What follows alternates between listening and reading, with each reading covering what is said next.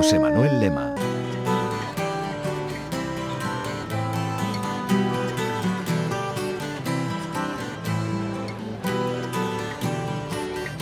Como na inmensa maioría dos casos, podería contar a historia de outra persoa, pero esta, esta é a miña historia. Unha anécdota máis ben que quedou dormindo na nevera do tempo é que hoxe decidín repescar para este programa, para Lobos de Metal, por culpa dun amigo liante e produtor ao mesmo tempo, Juan Carlos Cotelo.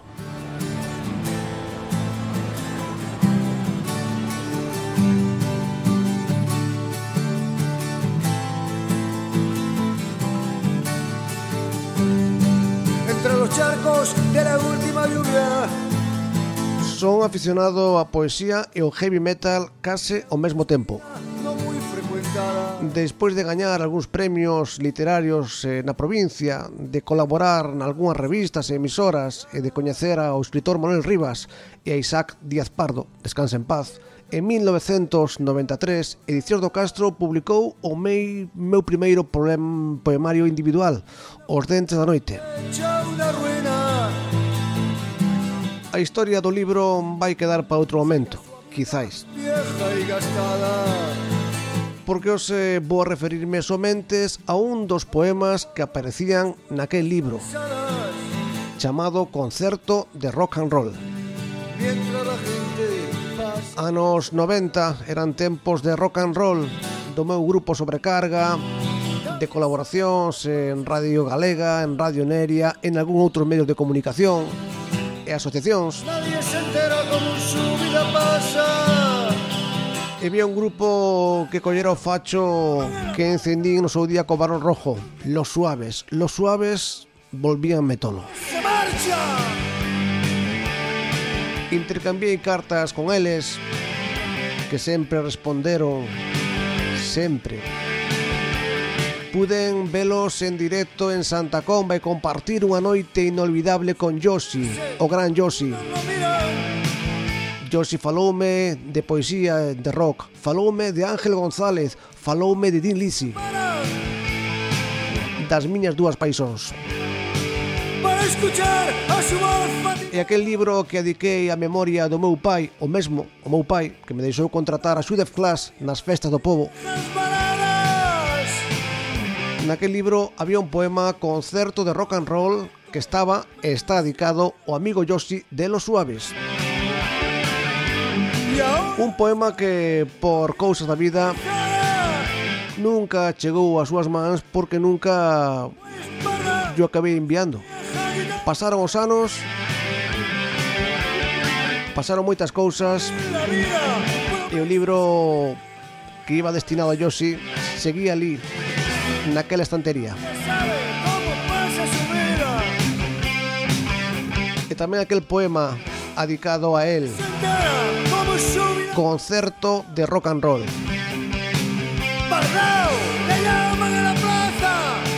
Porque aunque llueva, canta y no se marcha. Chegamos ao pabillón. O conxuro xa comenzar a tocar. Guitarras desenfrenadas e agudas a soar con forza. Están no reino do rock and roll. O cantante un diaño no escenario. Catro cordas de ceiro levan o compás un guitarra soltas guedellas, empapadas en suor e decibelios. Detrás un home palea os timbais os pratos con debezo. Marca un ritmo tremendo, os nosos puños ceibes. Unha noite de música dinamita, violencia vocal, respiración dura, marea de sons rítmicos. Outra canción, a tenra balada. Apagan as luces. Miles de corazóns corean, Miles de chisqueiros dan luz. Versos doces retumban os miolos. Un anxo desenfrenado baixou do ceo. Aplausos, tempo de ovación, treboada musical esquizofrenia. Os ídolos encarnanse no público. Asaño, extrema devoción, rito metálico. O vocalista fala, soña, canta. Outra tormenta de distorsión. A noite do coiro negro dos bullins sunguidos nun mesmo himno, sunguidos nunha mesma esperanza, púlpito da marcha, irmán xuntos o pé do canón, latas, vasos e baile continuo, homenaxe rotundo, os mártires. Alá onde soen estes acordes, alá está o noso lar. Alá está a patria do noso movimento. Tubo de escape, fuximos do mundo.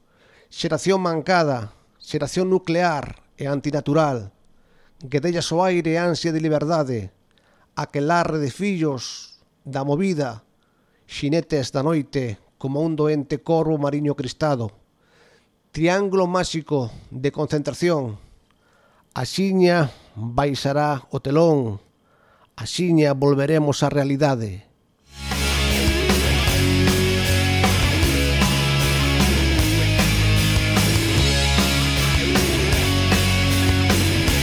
Benvidas e benvidos a unha nova cita en Lobos de Metal.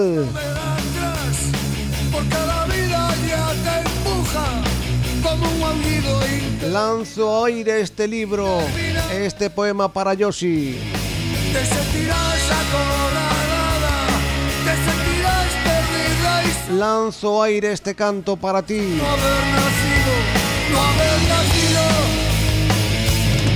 Entonces siempre.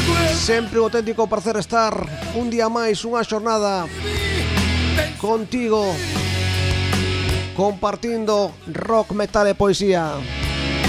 Como la pienso, la vida es bella y ya verás como a pesar de los pesares www.lobosdemetal.com para informarte das nosas informacións, das nosas citas, tamén estamos en Facebook e todos os programas teñen o seu podcast en iVoox, Spotify e Google Podcast. Emitindo en directo pola FM Radio Sayas. Siempre acuérdate de lo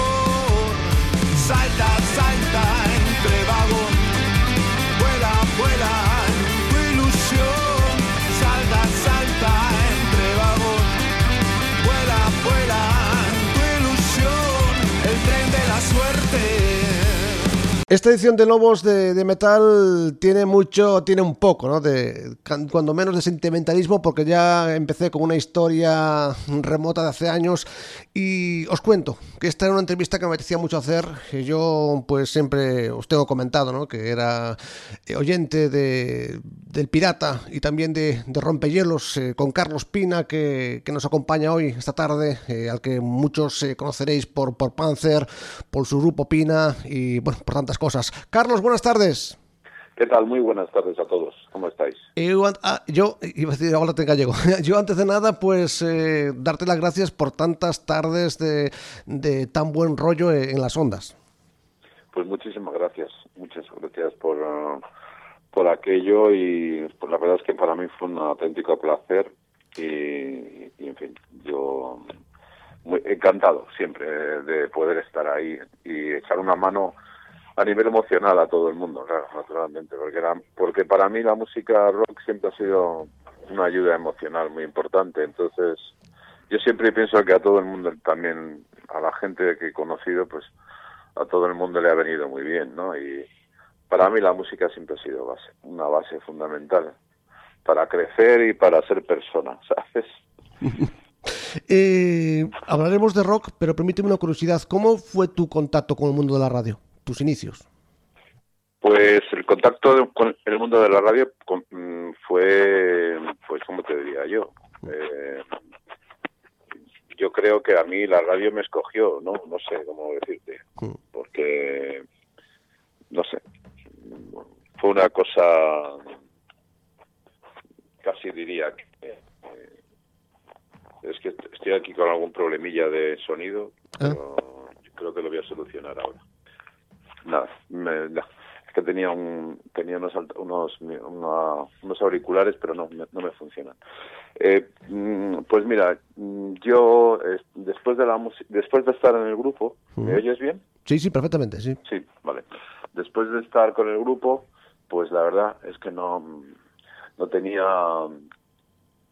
no tenía estaba arruinado completamente porque la música no me daba absolutamente nada de, compensación económica. Y entonces, pues presenté un proyecto a Radio Nacional, a Radio 3, y pues tuve la suerte de que les gustó el proyecto. Y entonces, pues comencé a trabajar eh, los sábados y los domingos a las 3 de la tarde. Eh, me hicieron un contrato por obra mm, de una hora a una hora a la semana, después dos horas a la semana eh, y así estuve tres años con programas sueltos, con horas sueltas y, y nada, poco a poco pues ya fui cogiendo, pues eso, mm, digamos que les fue gustando lo que yo hacía, tuve que convencer a mucha gente, la verdad, porque siempre ha sido el rock una música bastante, ¿cómo te diría yo? Políticamente incorrecta, vamos a dejarlo ahí, ¿no? No lo sé, no sé por qué motivo, mm, aún, todo, aún me lo pregunto, ¿no? ¿Por qué el rock? ¿Por qué si nosotros no hacemos nada malo a nadie, nunca hemos hecho nada malo a nadie, por qué el rock no, no les gustaba? Algunos me han dicho que es que para los políticos, los rockeros pasamos de política y, y que no les interesamos. Yo no creo que sea eso, yo creo que yo creo que lo que ha sido es que el rock, pues, eh, es una cosa que es un estilo de música que viene de, pues de hace tiempo, ¿no? De, hace hace muchos años, ¿no? Y, y en España nunca cuajó porque pues aquí en España, no sé, la gente no habla inglés con la misma asiduidad que en otros países aquí la gente somos hay, yo creo que las personas aquí son más de religión. Y, y, a lo mejor en Reino Unido pues en, Centro Europa son no sé eh, nunca quise hacer demasiado caso a aquellos que me decían que había diferencia entre los, protestantes y los católicos. O sea, nunca quise hacer mm, diferencias de ese de ese estilo, ¿no? En cuanto a que en España no había tal vez demasiado rock por ese tipo de, de asunto, ¿no?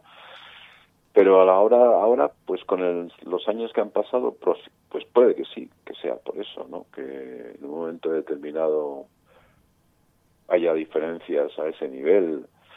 Puede ser que, claro, aquí los, los pioneros, cuando entró en los años 50 el rock and roll, pues los pioneros pues fueron pues, gente como eh, bueno pues eh, Bruno Lomas y gente así en España y Miguel Ríos luego después más más adelante no los años 50 estuvieron marcados por el rock and roll en todo el mundo pues, sobre todo por el rock and roll blanco en la parte en la parte de, de los blancos porque el, aunque el rock and roll inventó los negros, como Chuck Berry, por ejemplo, pero luego después a quien tuvo más repercusión fue Elvis Presley, ¿no? Entonces en España pues gustó eso a una parte determinada, pero yo siempre he pensado que la dictadura hizo que, que nosotros no pudiéramos tener pues esa libertad que a lo mejor sí tenían en zonas eh, como Inglaterra, o Estados Unidos, tal vez por, por religión, por protestantismo, puede ser, pero vamos, mm, tampoco me atrevo a mucho a decir que fuera por eso, ¿no? Pero que sí es verdad que, a lo mejor intervino y luego, por supuesto, la dictadura, aunque en España ya en los años, en los años 60 había jazz, pero ese jazz mmm, pues tampoco proliferó demasiado, aunque bueno, pues estaba Tete Mondiu, que era uno de los pioneros, que tocaba el piano de maravilla y que se codeaba con todos los músicos americanos. Pero eh, no creció, no creció más la, la, la música en España, probablemente porque la dictadura se encargaba de eliminar todos los el atisbo de, de, arte, de música y de melenas, melenas al viento, ¿no? porque todos los grupos pioneros de rock han sido máquinas, han sido pues gente que ha nacido algunos en Barcelona, Storm después ya, eh, pero bueno, antes de ellos, de Storm pues estaba mm, de Bautista con los Canarios, estaban los Pequeñiques y tal, aunque bueno, y ellos hacían una música no tan rockera, ¿no? Pero bueno, pero Canarios sí eran rock. Yo me acuerdo de ver Canarios en la tele en blanco y negro, con sí. Pedro Bautista tocando las teclas y con una melena larga. O sea que ya el rock de pelo largo ya entró en aquella época, pero pero ya ahí se quedó. De hecho, nosotros, y tú te acordarás, nosotros, tanto Bus, Panzer, eh, Barón Rojo, y algún grupo más, yo creo que también eh, a lo mejor me, equivoco, Tritón o algunas bandas más, eh, también salieron en un 2-3, en A Tope, en La Bola de Cristal, y todos esos programas de televisión en los años 80, y ese fue un, una especie como de, de top los años 80, pero luego ya a partir de los años 80 ya no ha habido repercusión realmente de movimiento, ¿no? y bueno, y no quita porque ahora mismo hay grupos muy buenos en España, pero pero vamos, que, no sé si me he ido del hilo de lo que me querías preguntar. Eh, tú en Rompehielos tuviste la ocasión de entrevistar, yo mm, lo, lo contaba al principio del programa, que, que yo empecé, escuchaba Rompehielos eh, en la casa de, de, mi madre y tenía que poner el, el, transistor muy alto para poder pillar la FM en la aldea remota donde, donde no llegaban casi la, la, las emisoras. Y, y, un día pues me atreví a concursar en un concurso de, de Rompehielos y me gané un disco de Dorothy Page en De Doro, eh, editado en 1990, bueno. que producido por James Simmons. Eh, bueno, tú fuiste el que lo sorteaste, caramba. y, y, digo yo, tú tuviste la oportunidad, Carlos, de entrevistar a mucha gente. ¿Tienes alguna entrevista que hoy en día, años después, eh, digas, jo, aquella fue, la, fue una entrevista que me marcó, que, que, que, que, me gustó muchísimo? ¿Hay alguna...? Pues mira, te voy a decir que para mí mmm, me han marcado muchas entrevistas. Mira, yo estoy haciendo, estoy confeccionando un libro ¿Ah? que, que estoy a punto de terminarlo ya, de encumbrar y tal y pues mira, te voy a contar un poco grosso modo, o sea que a lo mejor te lleno, te lleno el programa con nombres, pero mira, yo mmm, empiezo en el año 87 y eh, yo, mmm, pues las entrevistas que hice y que reflejo en el libro son, por ejemplo, la de, mm, bueno, eh, hay una alusión a Poison, pero la entrevista no la, no la he puesto porque era, las, lo que me han marcado más ha sido el de Lemmy, Lemmy de Motorhead. Uf. Eh, después eh, la de Robert Extremoduro. Eh, luego tuve a Adrián Vandenberg, Quiet Boys, a la de José Luis Manzano también, que también está, de José Antonio, perdón, Manzano, sí. que también está en el libro. Eh, hay una con, con de los Suaves también. Caramba. Está la de Doro, Doro Pech, que, que eso fue en el 91. 91-92, ¿no? Más o menos. Sí, sí, claro. ¿Te cuadra? Sí, sí, sí, porque el disco es del 90, eh, tiene que ser por ahí. Eso es. Entonces, luego está una que hice con Halloween en la Casa de Campo, luego con Desmond Child, que ha sido el productor prácticamente de lo que, digamos, era, ha sido hacer el heavy que sea comercial. Después tuve una con, uh, con Johnny Highbull, que era de Crown of Thorns, que era pues un negro que hacía, bueno, mulato, que hacía OR, rock melódico tipo Bon Jovi, pero que era un a mí me gustaba mucho, era muy bueno. Después yo Satriani también, esa, esa entrevista me marcó, fue una, entrevista muy bonita, Stream, la de Glenn Hughes también, para mí recuperar a Glenn Hughes ha sido apoteósico. Luego tuve a um, Scanlan Nancy Kezaya, John Thunder, Ice-T, Ice-T, Body Count, la de Ice-T es muy buena porque me parece que que resume mucha forma de ser, ¿no? Keith Winger también fue una entrevista estupenda. Luego tuve con Marilyn Manson también varias. Luego la de Paul Rogers para mí fue muy entrañable también. Después con Fish de Marillion, aunque la entrevista no sale en el libro, pero fue estuve con él por ahora. Vamos, a lo mejor sí la, la meto después. Luego tuve con Salvador Domínguez también una entrevista muy buena. Salvador en el año 97 eh, luego con Henry Rollins también, eh, con David Coverdale en el Hotel Santo Mauro, que tuvo una, una entrevista muy bonita también. Eh, una con Bumburi muy larga y muy intensa, cuando empezó él en solitario en el 97. Después con Sigo. si quieres un poco, sí. sí, sí. Pues mira, luego tuve luego tuve una entrevista con Monster Magnet, con Virgin Steel, una entrevista fantástica en Estambul con, con John Lord. Después tuve una con Phil Factory que fue muy buena para mí. Luego Buenas noches Rose en el 99. Luego Zach Wild que le pegué un, telefonazo y estuvimos hablando él desde Los Ángeles y tal. luego Tom Morello, una muy buena cuando vino a Madrid también. Uh, Rock Beach eh, también. Queen of Stone Age mmm, Scott Henderson, Chris Robinson.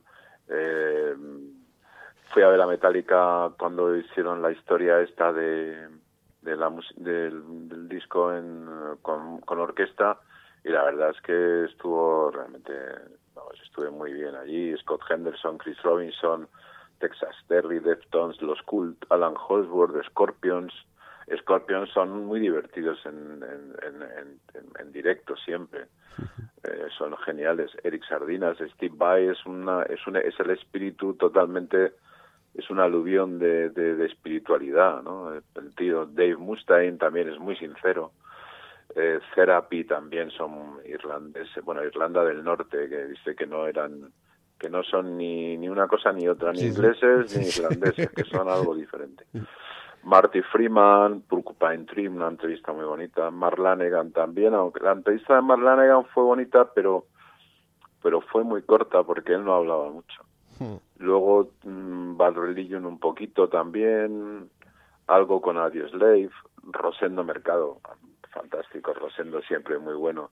Evan Exens, Marcus Nunn, después Die Happy, también Stone Sour, Mm, Within Temptation, Sabia, Javier Vargas, Carmine Apis, eh, en fin, Steve Hogarth, muchos, muchos. Michael Schenker, genial también. Michael Schenker. Así al final, y luego pues Serpa, Mars Volta también, una entrevista muy buena, casi finalizando en 2008. La verdad es que he sido, he tenido muchas entrevistas y muchas no las pongo porque, pues, pues, pues o no las tengo o tampoco quiero aburrir a la gente, ¿no? Con tanta entrevista. Eh, son entrevistas muy interesantes y de cuando estuvieron en el programa. Y bueno, es, es a modo de diario, ¿no? Un poquito. Pero vamos, esas son las entrevistas, las que he, reseñado, las que más me han más bonitas me han parecido a lo largo de mi de toda mi trayectoria. Yo no tenía Pero vamos, yo, yo no tenía, Carlos, ni pajolera idea de, del libro. Mm, se me ocurrió así, tú lo sabes, ¿no? La entrevista. Pues, eh, ¿y cuándo, cuándo saldrá este libro? Entonces, más o menos, para estar un poco al tanto. Pues no lo sé, hombre, supongo que cuando salga os enteraréis todos, porque no estoy, ahora mismo la estoy acabando. Bien. Eh, tenemos aquí muchos debates, pero nunca pues tuve una voz acreditada, digo, por el tema de, la vinculación a la radio y a la música, ¿no? ¿Tú crees que tiene razón de ser eh, que sigamos haciendo programas de, radio con este formato tradicional o tenemos que, ir eh, totalmente ya olvidándonos de este formato y ir a lo que hay que ir, que son las nuevas tecnologías? Eh, ¿Te refieres eh, al programa de radio frecuencia modulada? En FM, con horarios en directo, cuando la gente, la mayoría te puede escuchar en podcast. Es decir, eh, hay que cambiar el rollo. Mm, bueno, eh, la verdad, sinceramente, mm, a mí me parece que la radio es maravillosa. ¿Y a mí? donde esté el directo, que se quiten los podcasts. Porque mm, puede ser más cómodo puede ser más cómodo. Eh, pero mm, los podcasts mm, es, o sea, la, el motivo de un podcast es mm, porque no se hace radio en directo. Si todo el mundo quisiera podcast, hiciera radio en directo, no harían podcast. El podcast sería eh, una consecuencia de hacer un programa en directo, ¿no? Sí, sí, claro.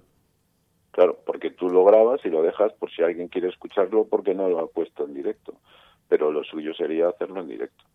La auténtica historia es hacerlo en directo. El, la, radio hay que hacerla en directo. Lo que pasa es que la radio en España está mm, está secuestrada mm, totalmente.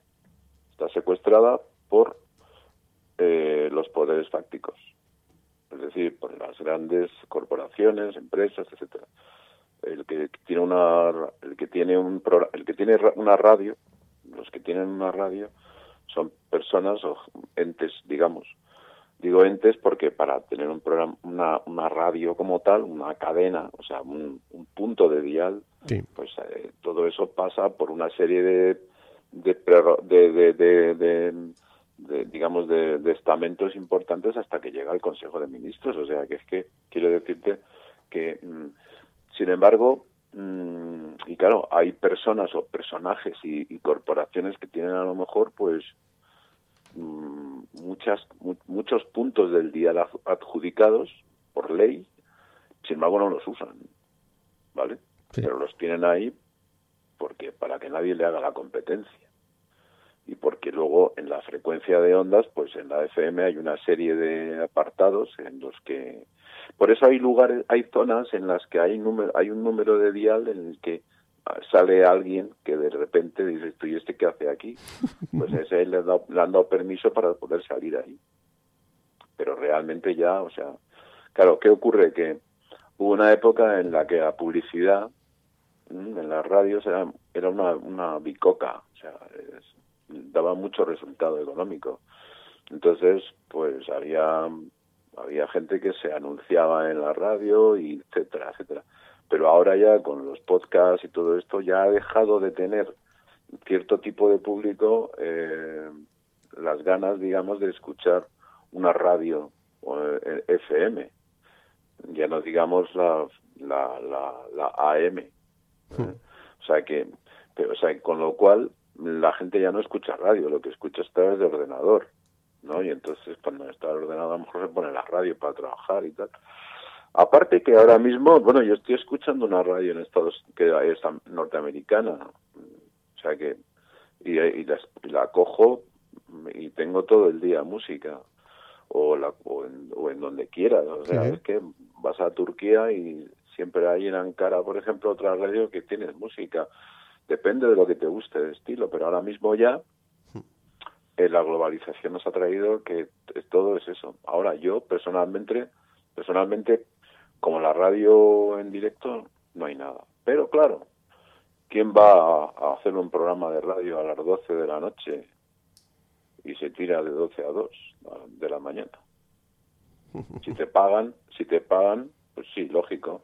Pero si no te pagan, ¿qué haces allí? Haciendo el payaso.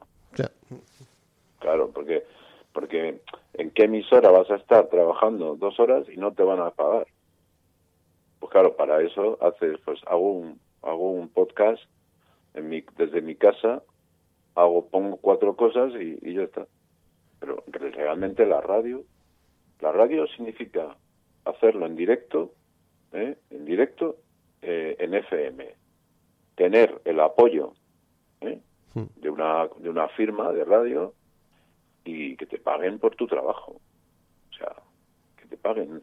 Mm, a lo mejor te pueden pagar menos de lo que a lo mejor tú te mereces, pero que por lo menos tener una compensación económica.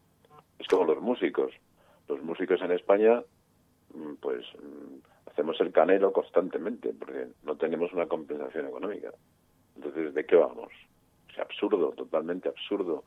O sea que todo lo que hacemos es por amor al arte y por amor al arte hasta cierto punto hay que ser, hay que entregarse, hasta cierto punto.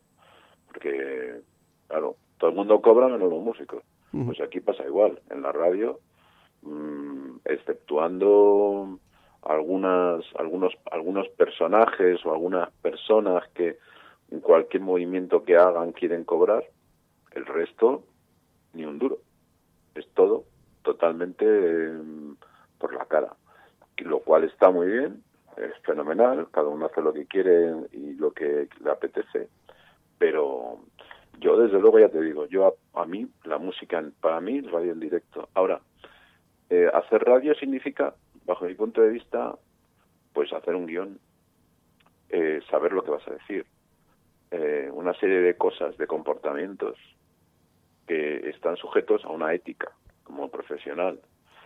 No puedes salir a la radio gritando, diciendo gilipolleces, diciendo palabras, palabras obsoletas y, y obscenas o cosas de estas. O sea, bajo mi punto de vista, tiene que haber una ética, una seriedad en lo que es mm, pues lo que estás haciendo, el proyecto, lo que estás eh, queriendo decir, ¿no? Para mí, para mí el, el guion de en radio es muy importante, porque significa que durante un tiempo has estado meditando eh, qué decirle a tu público. Y para mí es importantísimo, porque improvisar, ¿qué ocurre cuando improvisas? que llega un momento que no sabes lo que estás diciendo o que tienes que rellenar un espacio de, de, tiempo y no se trata en la radio no se trata de rellenar un espacio de tiempo tampoco se trata de leer un santoral y tener que eh, tener al público ahí aburrido. Claro que no.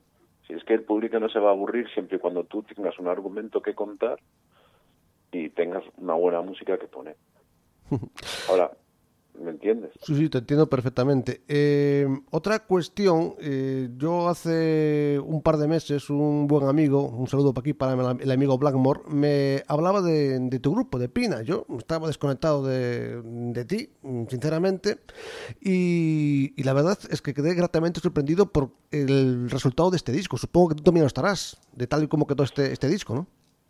Pues sí, la verdad es que estoy, estoy encantado. Estoy. No me extraña estoy a gusto con él porque porque ha tardado tiempo en salir, ha tardado tiempo en ver la luz, pero al final pues lo he conseguido, es otra otro reto más y otro sueño más que se cumple, ¿no? Que es seguir haciendo música y seguir editándola. Y un disco que también se puede, eh, y esto va con, también con cierta retranca para una parte de la audiencia, que se puede conseguir también en vinilo. ¿Seguís firmes y fieles a esto? Sí, sí, eh, se puede conseguir en vinilo porque ya se ha editado, o sea que ha sido hace hace 10 días o 12 días que se que está el disco disponible. Así que sí, sí, está el disco. Yo en mi Facebook está la dirección de More Discos, que mm. es el que donde se puede distribuir, vale 15 euros y, ya está. Mm. ¿Y cómo, cómo se presenta eh, el presente más inmediato y también el futuro de la banda? Pues mira, yo mm, como conozco todo esto hace muchos años, pues soy consciente de que no, o sea, estamos en España, no es y el rock está donde está, en el estatus que está y en el punto en el que está. Mm, bien, el grupo está, estamos, tocamos el día 2, hacemos una presentación como del grupo y tal, un poco ahí en plan una sala pequeña porque, claro, después de las secuelas que ha dejado todo esto de la pandemia, pues la verdad, no te puedes arriesgar a meterte en un sitio grande porque pues no sabes lo que va a pasar. Y las cosas y el dinero no está bollante, ¿no? Y aparte, soy consciente de que es un proyecto que acaba de nacer.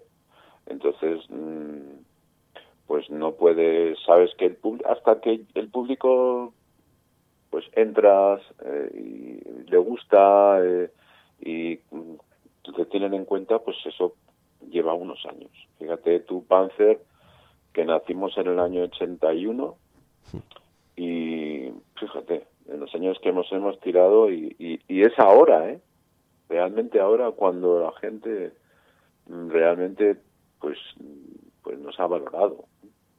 Así que yo sé que, bueno, en cierto modo, un grupo de rock en España es de este estilo, pues nace un poco, no sé, a lo mejor voy a decir una palabra fuerte, pero nace muerto, ¿no?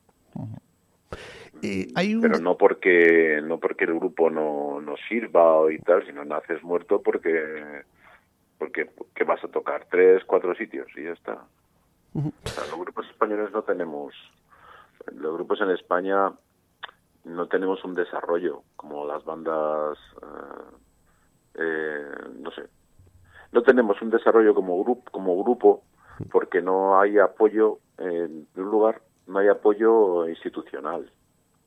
Por ejemplo, en Suecia y en otros países las bandas, los grupos nuevos, pues tienen un apoyo de por parte del institucional, por parte del Estado muy buena a los grupos de rock. Pero aquí no, aquí los grupos de rock es como que, uff, no quieren nada con nosotros.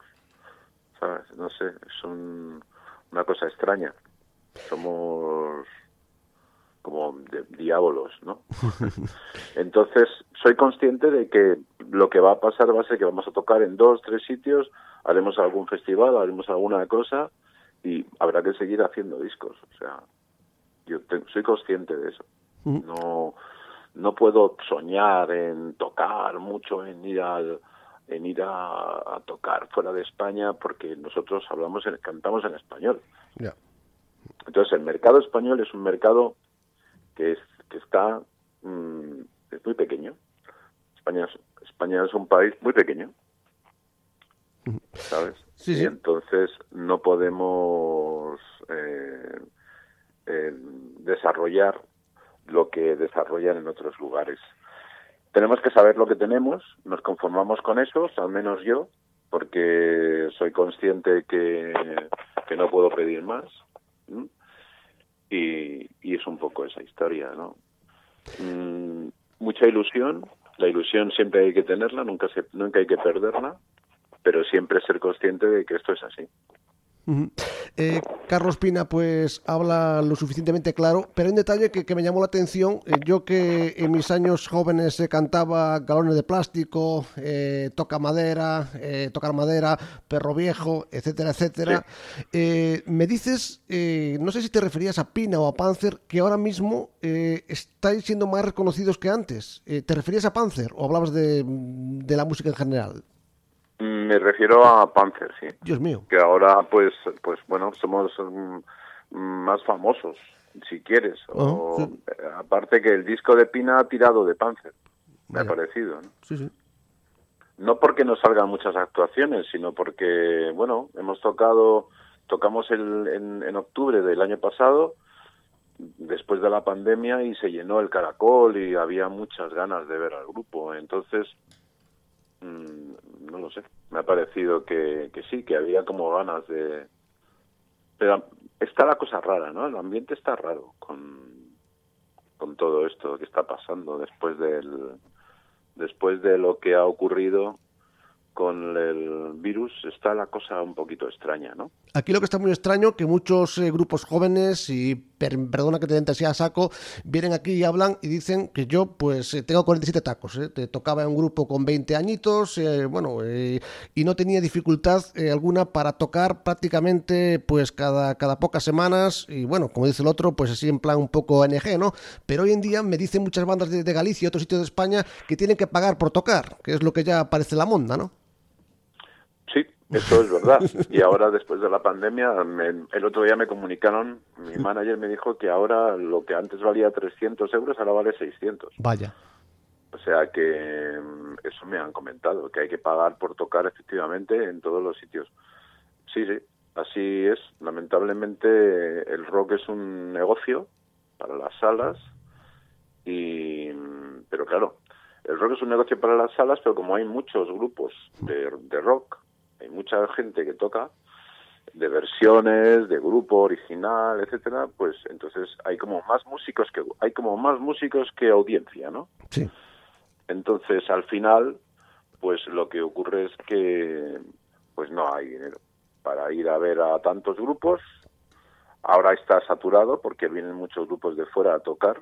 Está saturado, ya no se puede tocar en ningún sitio porque está todo cubierto. Todas las salas tienen todo su tiempo ya cubierto, con grupos internacionales a veces, la mayoría, y entonces, pues claro, ya no, no hay sitio para grupos españoles. Eh, y luego por otro lado, pues los grupos españoles que ya tienen ya tienen la cita para poder tocar en directo, pues efectivamente si tienen la suerte de llenar, pues fenomenal. Pero efectivamente hay muchísimo grupo, hay muchísima gente tocando, intentando eso y no hay mercado para tantos. Ya no ya no lo había entonces, porque entonces estábamos estaba Zafiro, que estaba intentando ahí chapa discos, intentando vender discos como fuera, sin pagarnos a nosotros, pero vendiéndolos para ellos hacerse ricos a su modo. Y entonces, claro, ya en aquella época lo notaban ellos, porque con tres, cuatro grupos ya no había sitio para más. Obús, Balón Rojo, Panzer, Sara, eh, Obús, Rojo, Panzer, eh, Júpiter eh, y alguno más, sobredosis. Y ya después y ya se acabó ya no había sitio para más porque porque ya no se vendían discos sabes ya no se podían no se podían vender discos porque ya no había mercado ya estaba saturado el mercado sabes entonces ese era el problema que, había. Claro, pero tú me dices que yo nazco en Suecia, hago, hago música y me ayudan, y nazco en España, me pago eh, el, me pago mi, mi tiempo, o lo, empleo, me pago mi disco, que no tengo emisora donde eh, promocionarlo, y me pago la sala. Esto ya es casi una misión heroica, ¿no? Efectivamente, o sea, yo tengo la sensación, efectiva, eso es así, claro, como tú bien dices, eso es directamente, o sea, tú tienes que hacer un disco, tienes que plasmar tus canciones, tienes que eh, intentar, eh, gracias a los programas como el tuyo, gracias a los podcasts, como tú has mencionado anteriormente, gracias a, a tantas, a tantos, eh, tantos locutores que están haciendo un trabajo totalmente altruista, pues porque si no fuera por eso, en las emisoras convencionales, ¿qué programas de rock hay? Que yo sepa, que yo sepa, en Radio 3 hay uno nada más, el vuelo del Fénix, ¿no? Exacto, exacto. Exactamente. Entonces, y claro, y digamos, y yo no sé si no sé si me ponen ahí siquiera, ¿eh? O sea, sinceramente, porque hace ya tiempo eh, que cuando hicimos el disco, el, el DVD en 2007, Panzer, yo llevé allí unos cuantos DVDs para hacer los conciertos de Radio 3 y ni siquiera tuvieron la, decencia de llamarme. Y me, y me acuerdo que dejé ocho, ocho, de, ocho DVDs. O sea, que, que, me forzaron a llevar ocho DVDs. O sea, que quiero decirte con esto que, que bueno, que, que es muy complicado, ¿no? Entonces, si a nivel nacional eh, los programas que hay, eh, hay un programa de rock que, que no está de moda el rock, ¿o qué? Pues si hay mil grupos en España, que no está de moda el rock, ¿por qué? Porque no quieren ellos que esté de moda. Exacto, claro, es que es imposible que esté. claro, es imposible que esté de moda, ¿no? pero no es que esté de moda, es que es que la gente quiere eso y la gente es la que está haciendo que no digo que no haya pop, que también le guste a la gente y otras cosas, claro, pero el rock le gusta a la gente todavía, mucho, porque se venden discos de fuera y se venden discos de dentro también. ¿Que cuesta más? Claro que cuesta más. ¿Que cuesta más llegar? Sí, pero ahora todo el mundo intenta vivir de lo que hace el músico. Entonces yo, claro, pero el músico no puede vivir. O sea, entonces, ¿de qué vive el músico? ¿De otra cosa? Vale, bien. Pero por lo menos, por lo menos, si vivo de otra, si vivimos de otra cosa, por lo menos que la compensación de lo que tú has hecho que te llegue a ti, ¿no?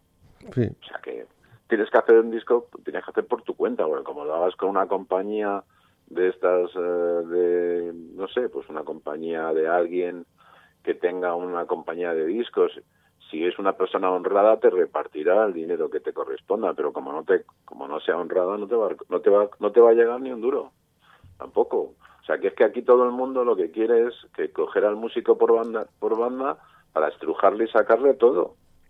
Como ha habido, como hay tantos músicos, bueno, pues venga, tienes una sala, vale, venga, toca todos los días toca un grupo diferente. Ya, ya. Y no pagas al grupo, y no el grupo no toca. No quiero decir con esto que todas las salas sean iguales, ¿eh? Hay muchas salas que yo no las conozco, la verdad, pero supongo que las hay. Hay salas de gente que dice, no, yo al músico le pago lo que el grupo corresponda. Pero que es otra cosa igual, si tú vas a tocar a una sala y tampoco te hace publicidad la sala, porque la sala no quiere hacer publicidad porque está acostumbrada a que la gente vaya a tomarse una cerveza, pues entonces van a ir cuatro, los cuatro amigos del grupo, y lo suyo es que la sala se gastara el dinero. No, es que claro, pues aquí todo el mundo va a lo que va, a por dinero. Entonces esto es un negocio. Y después hay otra cosa, hay otra cosa que, también es un poco engañosa, ¿no? Que yo te digo, Carlos, tú tranquilo, que vienes a tocar a Galicia y yo te voy a anunciar en mi página de Facebook, en las redes sociales, pero a lo mejor eh, lo que hago pongo un cartelito en mi página, esto luego Lucas, que si tampoco no es una promoción, eh, ¿sabes? Que a ver, claro. claro, a ver, no, a ver, yo, por mi experiencia, la, el Facebook no te da publicidad, ¿vale? el Facebook es un grupo de amigos. Para darte publicidad en el Facebook tienes que pagar publicidad del Facebook. O sea, para que se abra. O sea, vamos a ver, estamos muy engañados cuando pensamos que el Facebook está solucionando algo. El Facebook es una, una es un círculo cerrado que está siempre visto por las por los fans, o sea, por los amigos más cercanos. que puede haber 200, 300, 600, 1000. Ponte, ponte que haya 1000 yo de los 5.000 personas que tengo escritas a mi Facebook, 5.000 y casi 6.000, eh, mm, yo lo máximo que he llegado a tener así de visitas y de gente que me ha dicho algo han sido 200. De personas.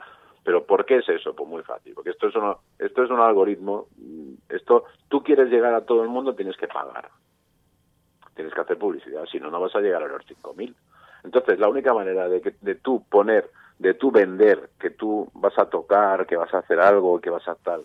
Y eso, la única forma es poner carteles en la calle. Pero como no se pueden poner carteles porque está prohibido. Estamos jodidos. Estamos jodidos. Dar flyers en los conciertos también está prohibido.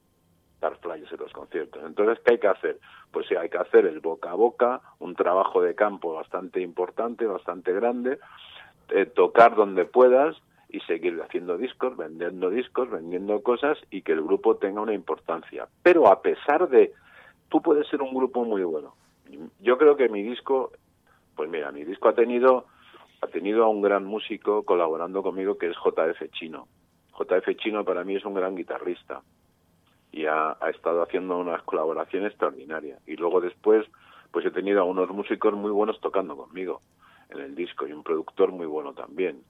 Entonces, todos hemos hecho que el disco sea que sea bueno. Pero soy consciente de que aunque tú hagas un producto muy bueno eh, no significa que vayas a vender todo eso. O sea qué vas a vender es que antes cuando estábamos nosotros en, cuando estábamos nosotros en Chapa me acuerdo que vendíamos 20.000 20.000 25.000 discos. Ahora eso es impensable. Ahora es impensable. Un grupo que venda 25.000 discos ahora en España pues mm, yo creo que sería el número uno. Sí, sí, es, así. Eh, Carlos, para ir eh, concluyendo, yo estaría hablando contigo horas, pero entiendo que tienes más ocupaciones que atenderme a mí. Yo eh, empecé... No, no, no, yo estoy, yo estoy contigo, no te preocupes que no tengo nada que hacer. ¿Se descartan pues o, se barajan nuevas grabaciones con Panzer o esto pues es una marca que está ahí para algunas actuaciones o cómo está el tema con Panzer? Pues mira, nunca se sabe, pero de momento no. De momento no estamos mm, mirando nada de actuaciones con Panzer. De momento Panzer está está ahí. Mm, estamos vivos.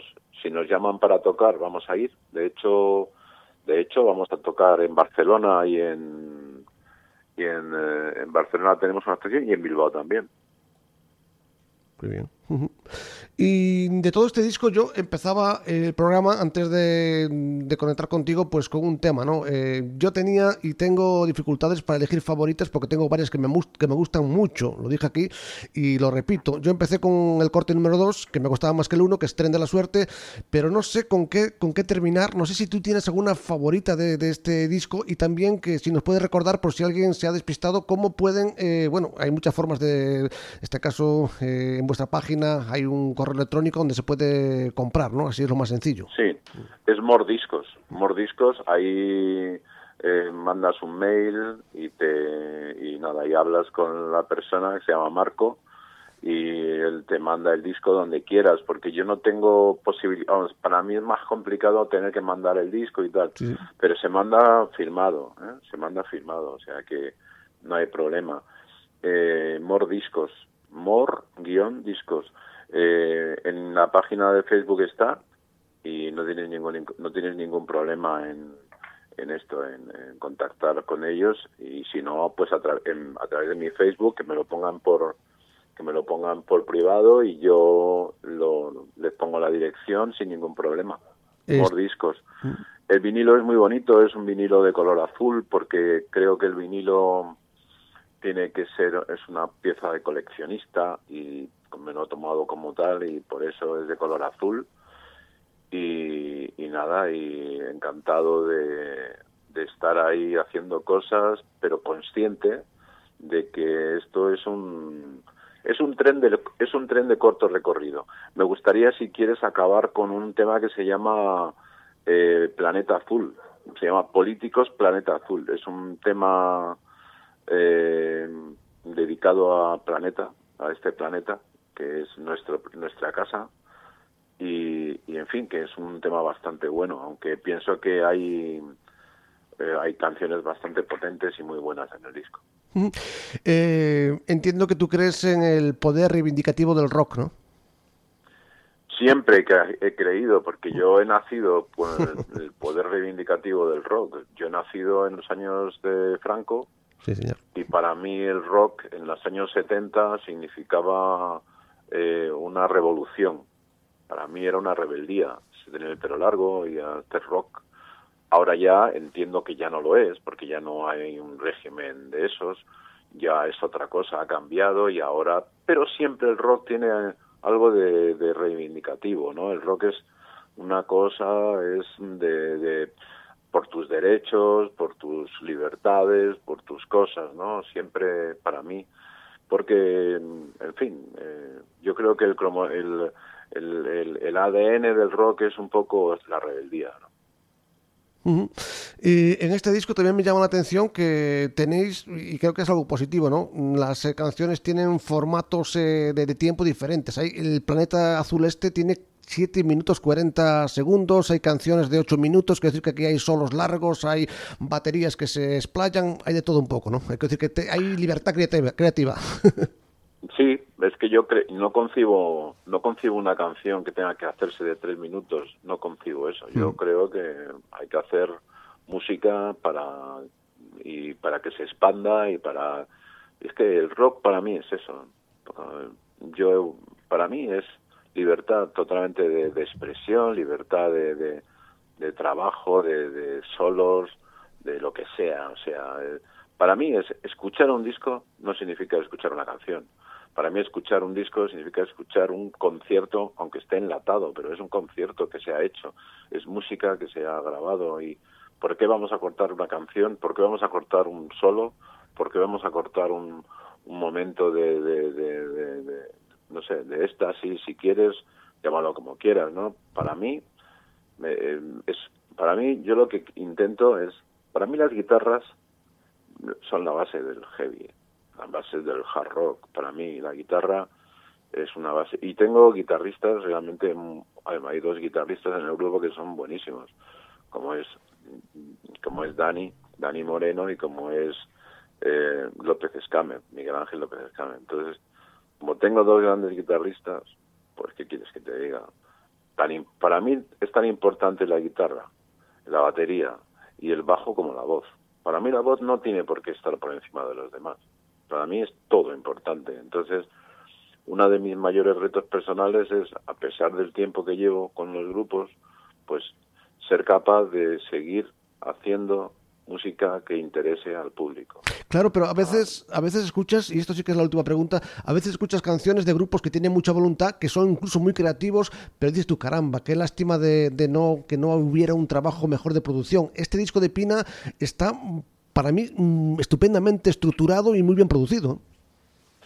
Pues sí, yo estoy de acuerdo contigo. La verdad es que todo ha salido muy redondo, como el disco, ¿no? Ha salido todo muy, ha salido muy de manera muy sencilla.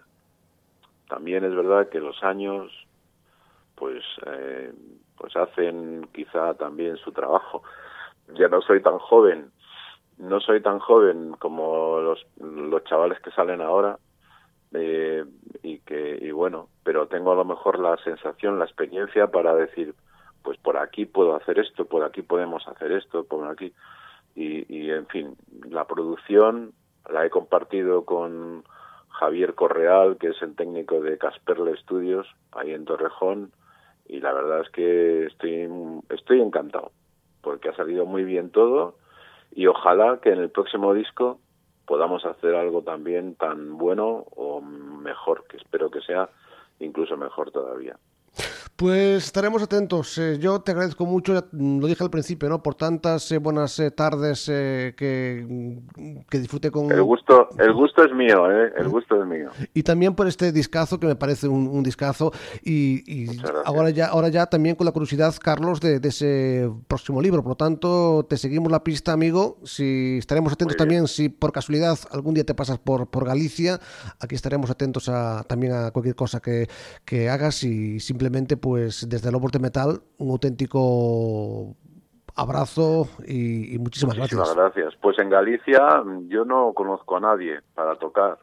Si tú conoces a alguien para tocar y se puede tocar en algún sitio que, que tú me digas, pues pues se puede ir ahí siempre y cuando, porque claro, ir a Galicia cinco personas significa furgoneta, llevar equipo, entonces, pero si hay una sala que se puede tocar y que por lo menos no te pide dinero y anticipado de y, se puede tocar, pues nosotros iríamos a tocar encantados, claro que sí. Pues nos quedamos con este planeta azul. Carlos Pina, maestro, muchísimas gracias.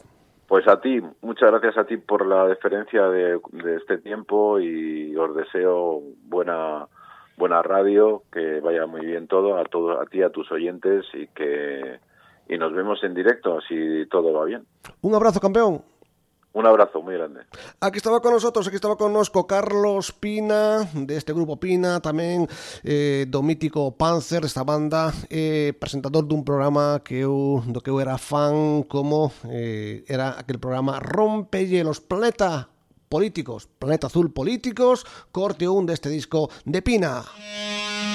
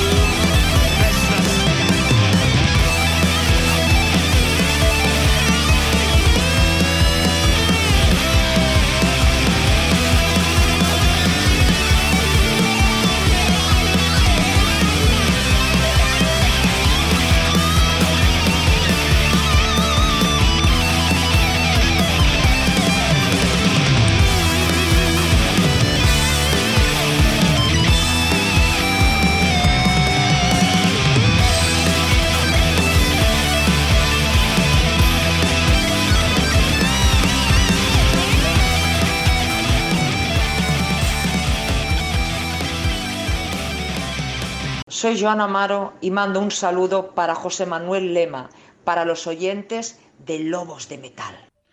Hola amigos, ¿qué tal? Soy Manuel Martínez, cantante de Medina Zara, y os invito a que escuchéis Lobos de Metal, un programa hecho para nosotros, los que nos gusta el metal y los que nos gusta el rock, ¿vale? Un abrazo muy grande y muchos saludos. A divertiros, Lobos de Metal. Manuel Martínez, Medina Zara. Gracias. que arda o escaparate e aire para aquí adentro.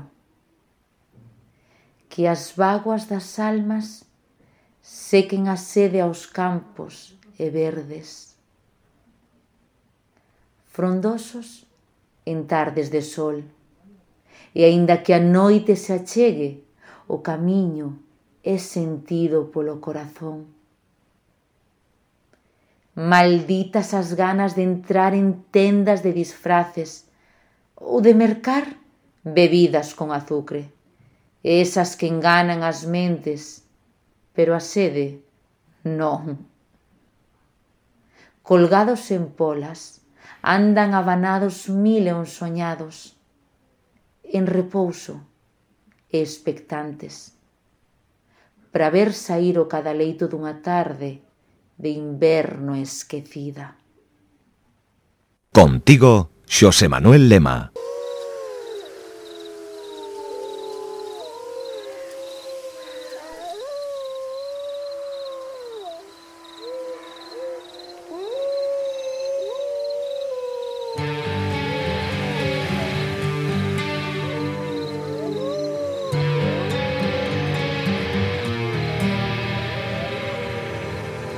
Comentar que en www.lobosdemetal.com podes enterarte moitas cousas que pasan no programa tamén que pasan polo mundo musical. Un dos alicientes é precisamente as críticas discográficas do noso amigo La Vara de Moisés. A última de sábado que publicamos do seu último disco e tamén pois as próximas que falarán dos últimos traballos de Hammerfall, Ghost e Cano, que que está soando. 38 minutos de furia, pasión y corazón, electricidad distorsionada que nos convierte en seres de luz, corrientes de energía que nos hacen sentir especiales. Bravo, bravísimo, muchas gracias por tanto escribe la vara de Moisés sobre Cano, sobre este disco La Encrucijada. Un disco donde o artista o vocalista de aquel grupo llamado Centinela toca prácticamente de todo e conta iso sí co apoio de guitarras como Alberto Cereijo ou Pablo García. La Encrucijada un disco que a mí también me parece muy interesante. Decano. Una das novidades deste 2022 que empeza con esta declaración de intención Somos rock and roll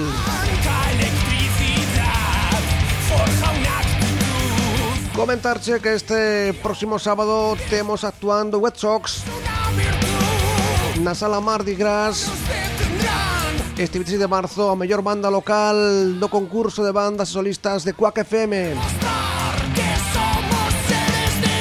E tamén o sábado na Filomatic, tamén na Coruña, actúa neste caso Vagos, unha sala que terá o concerto venres de Drunken Buda.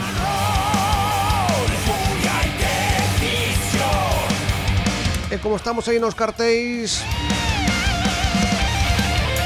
Os queremos tamén dar conta dun concertazo que se prepara para o 7 de xullo de 2022 na Sala Rebullón de Mos no con, en, na provincia de Pontevedra.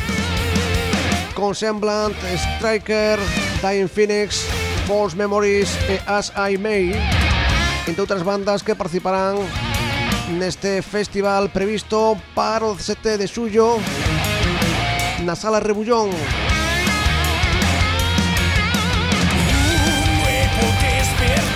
e máis preto. Na sala Capitol de Santiago 3 de abril. Concerto de Perpetual que presenta o seu disco Memento Mori estará acompañado por Barbarian Prophecies e Agónica. En Compostela 3 de abril. Na sala Capitol Capitol Tamén comentar que esta fin de semana no Hotel Esperia o próximo domingo da Coruña celebras con feira o disco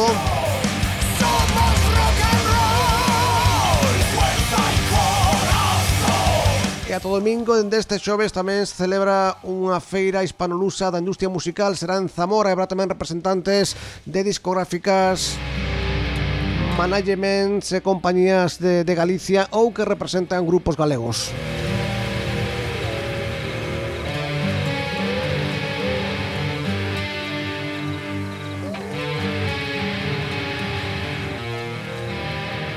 E agora quedámonos, pois, como cada xornada, este ainda é a segunda, pero a verdade é que despertouse a expectación a primeira colaboración da nosa compañeira Fátima Elías con La Voz de los Muertos, ose, pois, a segunda entrega, escoitámola.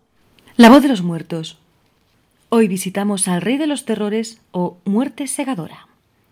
La muerte antropomorfa se representa como una figura de gran impacto visual – una escultura esquelética que en los camposantos del siglo XVIII viste una túnica o mortaja para aparecer a finales del XIX cubierta por una voluminosa capa. El rey de los terrores es un esqueleto inmisericorde que sostiene en sus manos la guadaña con la que siega la vida de los mortales. Los precursores mitológicos de la muerte son Cronos, el dios primigenio personificación del tiempo, y Crono griego Saturno romano, el titán de las cosechas. Ambas figuras mitológicas compartían un atributo, la hoz. Pero es en la Biblia donde se conecta directamente la muerte con la alegoría del segador. Y esto lo hace Jeremías en el capítulo 9, versículos 20-21. Y dice así, Porque la muerte ha subido por nuestras ventanas, ha entrado en nuestros palacios, para exterminar a los niños de las calles y a los jóvenes de las plazas. Cantad así. Es el Señor quien habla. Los cuerpos de los hombres muertos caerán como estiércol sobre la faz del campo, como manojos tras el segador. No hay quien los recoja. Segunda entrega de La Voz de los Muertos en Lobos de Metal xa prácticamente e sin prácticamente tamén encarando a recta final do programa de hoxe.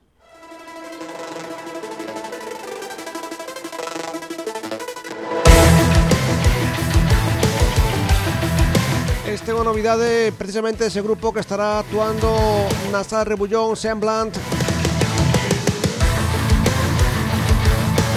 que me sirve para acompañarte na recta final desta emisión e para recordar que temos un correo electrónico para grupos, bandas, informacións, os lobos de metal arroba gmail.com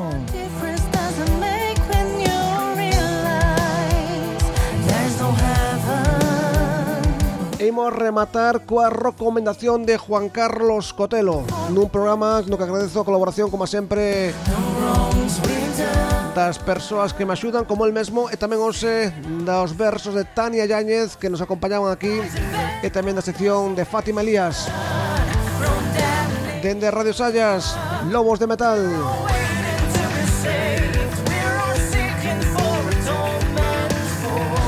E a recomendación de Juan Carlos Cotelo e dun grupo estatal, dun grupo con raíces fondas tamén pegadas en Galicia e coa voz de diva satánica Blood Hunter Imos rematar cunha novidade deste grupo, concretamente coa novidade recén saída do forno a Twist of Fate to Come. Eh, Blood Hunter, servenos para rematar o programa de hoxe en Lobos de Metal. Difunde, comparte, escoita, viva metal. Ata próxima.